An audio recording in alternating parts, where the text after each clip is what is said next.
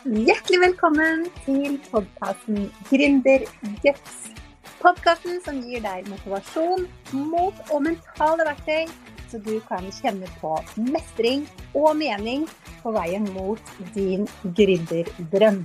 Mitt navn er Helene Nilsen. Jeg er gründercoach og mentaltrener.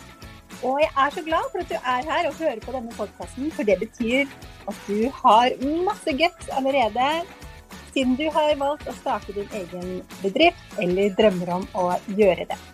Men nå la oss hoppe inn i dagens episode. Velkommen til luke 17 i Gründerguts sin julekalender.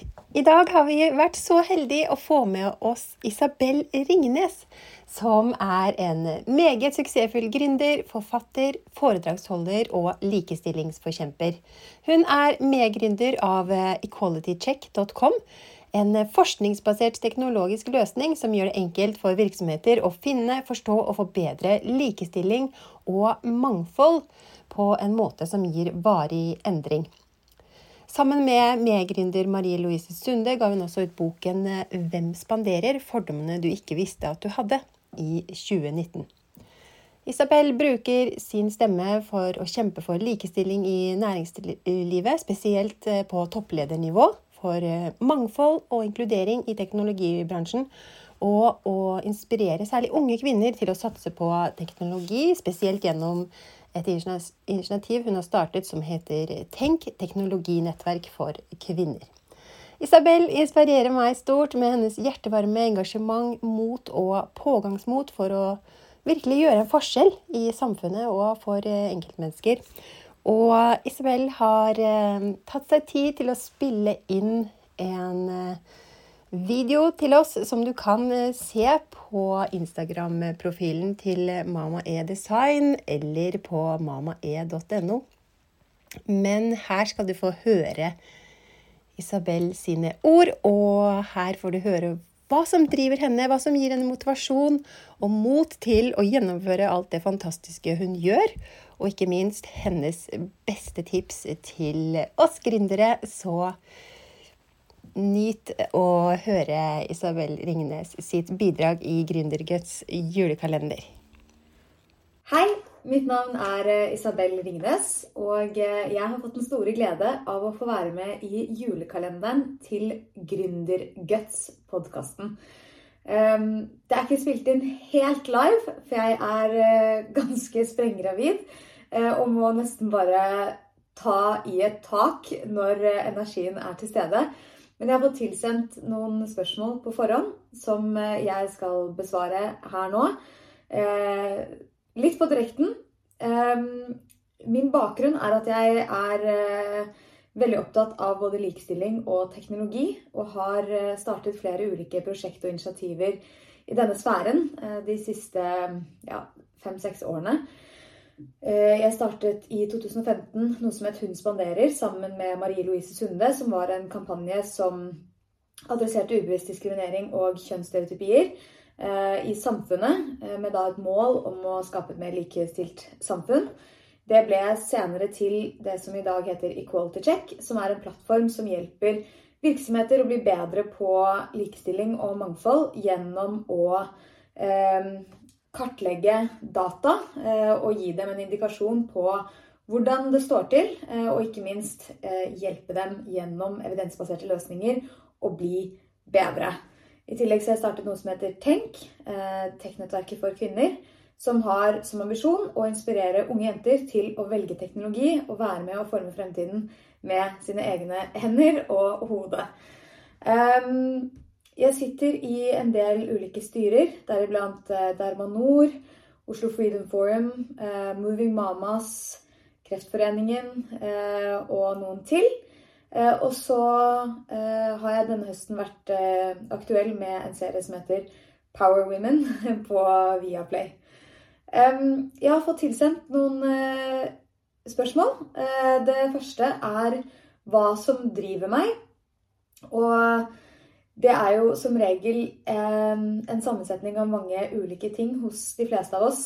Eh, hos meg så er det eh, urettferdighet. Jeg kjenner at hvis jeg skal ordentlig provoseres, eh, så er det når jeg leser om eller eh, vitner, observerer sexisme, rasisme, diskriminering for og overfor personer som ja, egentlig ikke gjør noe annet enn å ha en unik bakgrunn eller identitet.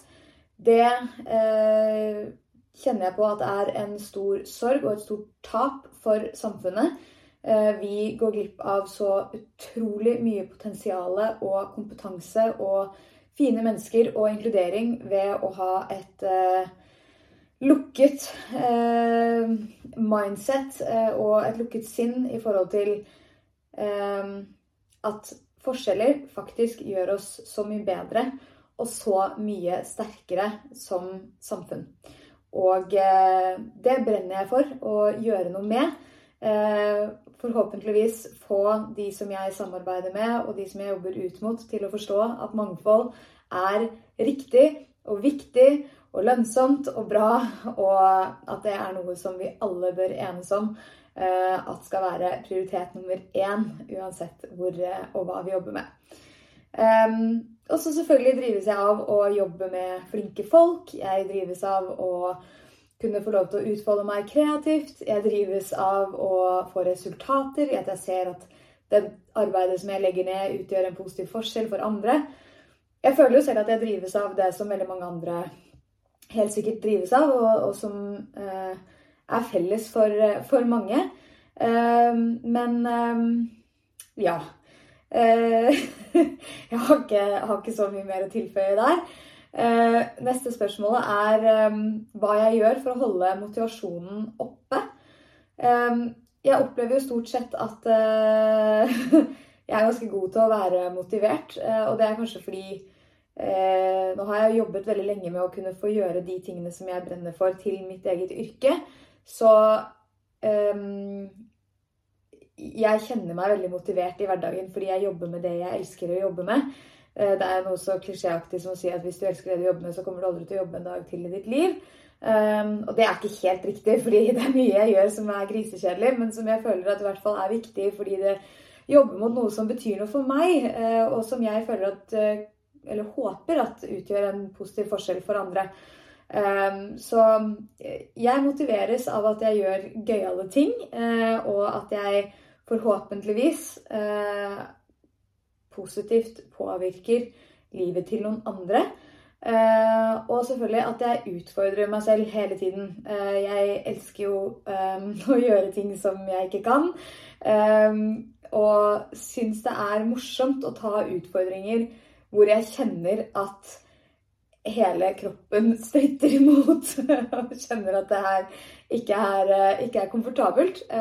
fordi jeg ser, når jeg ser tilbake eh, på de tingene som jeg har gjort gjennom mitt karriereløp, så er de tingene som jeg syns var veldig veldig, veldig skummelt i begynnelsen, de er ikke lenger eh, så skumle for meg. De er kanskje ikke skumle i det hele tatt.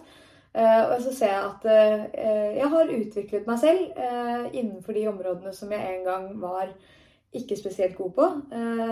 Og det syns jeg er veldig, veldig gøy. Så er spørsmålet hva som inspirerer meg. Alt mulig rart inspirerer meg. Mennesker inspirerer meg kanskje mest av alt. Og det er ikke sånn at jeg går rundt og har liksom det ene forbildet som jeg ser til og tenker at det har løsningen på alt. Jeg er sånn som inspireres av ulike egenskaper hos ulike mennesker.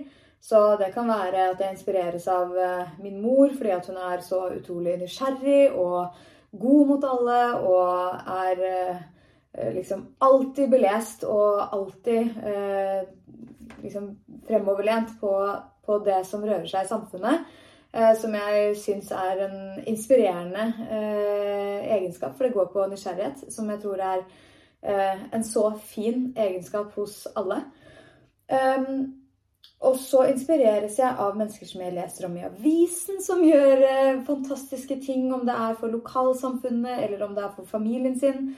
Eh, jeg inspireres av mine søsken, eh, mine venner. Eh, men igjen eh, så er fellesnevneren at det jeg inspireres av, ikke nødvendigvis er liksom den ene personen og akkurat hvordan de har valgt å leve sitt liv. Det er mer de kvalitetene og egenskapene som de besitter, og de verdiene de står for, og hva de kommuniserer, som jeg inspireres av. Eh, så er spørsmålet hvordan jeg overkommer frykten som eh, kan melde seg når jeg skal ta tøffe valg eller gjøre noe jeg er redd for. Hvis det er noe jeg er redd for, står det i parentes her. Um, nei, uh, hvordan gjør jeg det? Det kjedelige svaret på det er jo at uh, jeg forbereder meg. Uh, min opplevelse er at ganske mye som man gjør første gang, er ganske skummelt.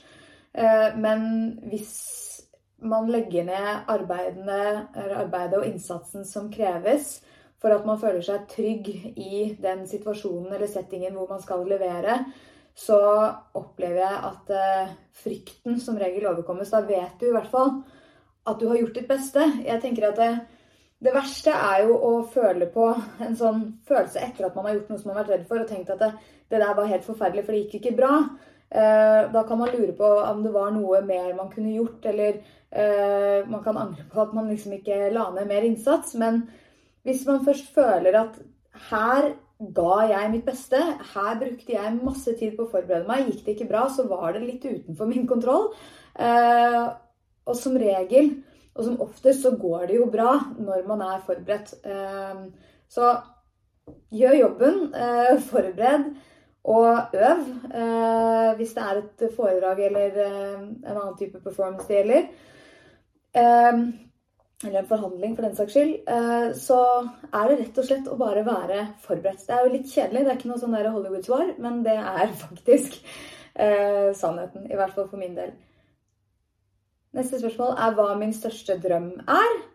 Eh, jeg har mange drømmer, og det blir liksom Det eh, føles alltid feil å, å trekke frem en drøm over en annen, fordi alle er viktige på hver sine måter. Eh, jeg har jo en drøm om at eh, dette barnet jeg har i magen, skal bli friskt, og at jeg og min samboer skal ha et langt og lykkelig liv med mange barn. Det er jo på en måte en del av skalaen. Og så har jeg jo mange ambisjoner i forhold til hva jeg ønsker å gjøre rent eh, karrieremessig i løpet av livet mitt. Eh, jeg drømmer om å lage ulike dokumentarserier som går på teknologi. Eh, jeg drømmer om å se at teknologibransjen faktisk er 50-50 eh, og mye mer mangfoldig. Jeg drømmer om et samfunn hvor man eh, Eller hvor diskriminering ikke er et problem. Det tror jeg eh, dessverre er nesten umulig å satse på fullt og helt. Men jeg håper i hvert fall at vi kommer til et sånt sted hvor det bare eh, ikke er noe spørsmål om at ulikheter eh, og våre forskjeller og alle menneskers individuelle valg til hvordan de har lyst til å leve, respekteres og oppfordres, og eh, at det er toleranse og rom for det eh, i samfunnet. Og på den måten eh, at det da også blir mindre diskriminering. Og så er det siste spørsmål rett og slett hva det beste rådet jeg vil gi til en fersk gründer er når det gjelder mindset. Ja um, Igjen så er det mange råd jeg kunne gitt. Um, Men hvis, hvis, vi skal gå på noe så uh, høythengende som mindset, uh, så er det vel egentlig bare å forberede seg på at uh, du kommer til å få innmari mye nei. det kommer til å være en del motstand. Og at det er liksom en del av gamet. og at hvert nei er litt nærmere ja. Um, og hvis jeg skal se til de eh, gründerkollegene mine, da, som er de som har lykkes, så er det de som har en sånn eh, nydelig, inspirerende tro på eh, det de skal få til, og sine ideer eh, og sine egne evner. Fordi det er jo eh, nesten uansett hvilket samfunn du bor i, så er det mange som vil være eh, tvilsomme til om du skal lykkes. De aller fleste oppstartsselskaper lykkes jo ikke. Eh, mange gründere går på snørra mange ganger før de lykkes, men Eh, det er ikke dermed sagt at ikke du kommer til å lykkes, eh, og, eh, men jeg tror det hjelper da med god dose naivitet. Stå-på-vilje og energi og engasjement som fortsetter å vedvare også etter at man har fått ganske mange nei, og en del mennesker som har fortalt deg hvorfor din idé eller uh, ditt selskap ikke kommer til å lykkes. Um, og så fortsette å bare stå på. Og selvfølgelig være lydhør. Um, er det, hva er det som skjer i markedet? Hva er det folk sier? Hva er det kundene dine ønsker? jo mer altså En ting er jo på en måte å ha den derre ståltroen på seg selv og sin idé og sin visjon. Men samtidig å være lydhør på eh, at ting kan forandre seg, og at man lykkes best hvis man har eh, en god forståelse av hva det er markedet faktisk ønsker seg. Fordi veldig sjeldent så er det vi kommer til markedet med første gang, det som de faktisk har lyst til å eh, kjøpe. Så man skal være litt sånn forberedt på det. Og jeg tror at det beste er å være engasjert i hvilket problem det er man har lyst til å løse. Eh, ikke være altfor forelsket i løsningen som man har, eller teknologien som eh, man tror skal løse dette problemet. Men rett og slett ha et engasjement, et genuint engasjement for problemet man vil løse, så man står i, står i det litt lenger. For det er jo, ikke, det er jo mye motstand i gründerskap.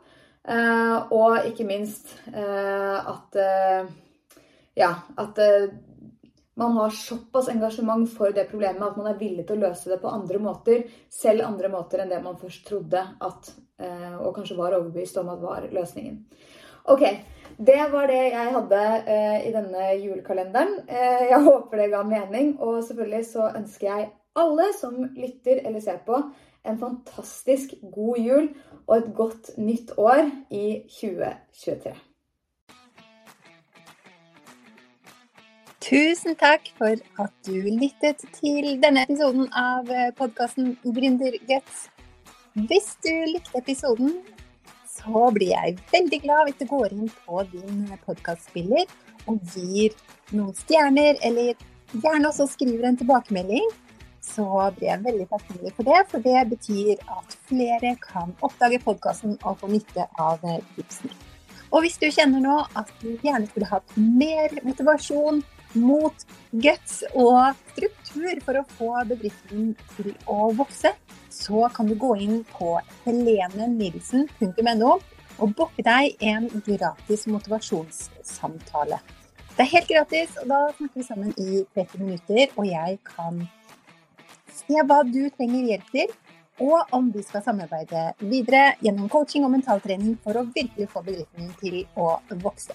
Det er helt gratis og uforpliktende, og bok deg gjerne samtale bare for å finne ut hva ditt neste steg er. Så kan vi se på det sammen. Og jeg gleder meg til å snakke med deg. Du kan også lese mer om mine tjenester på helenenilsen.no. Og vi høres i neste episode.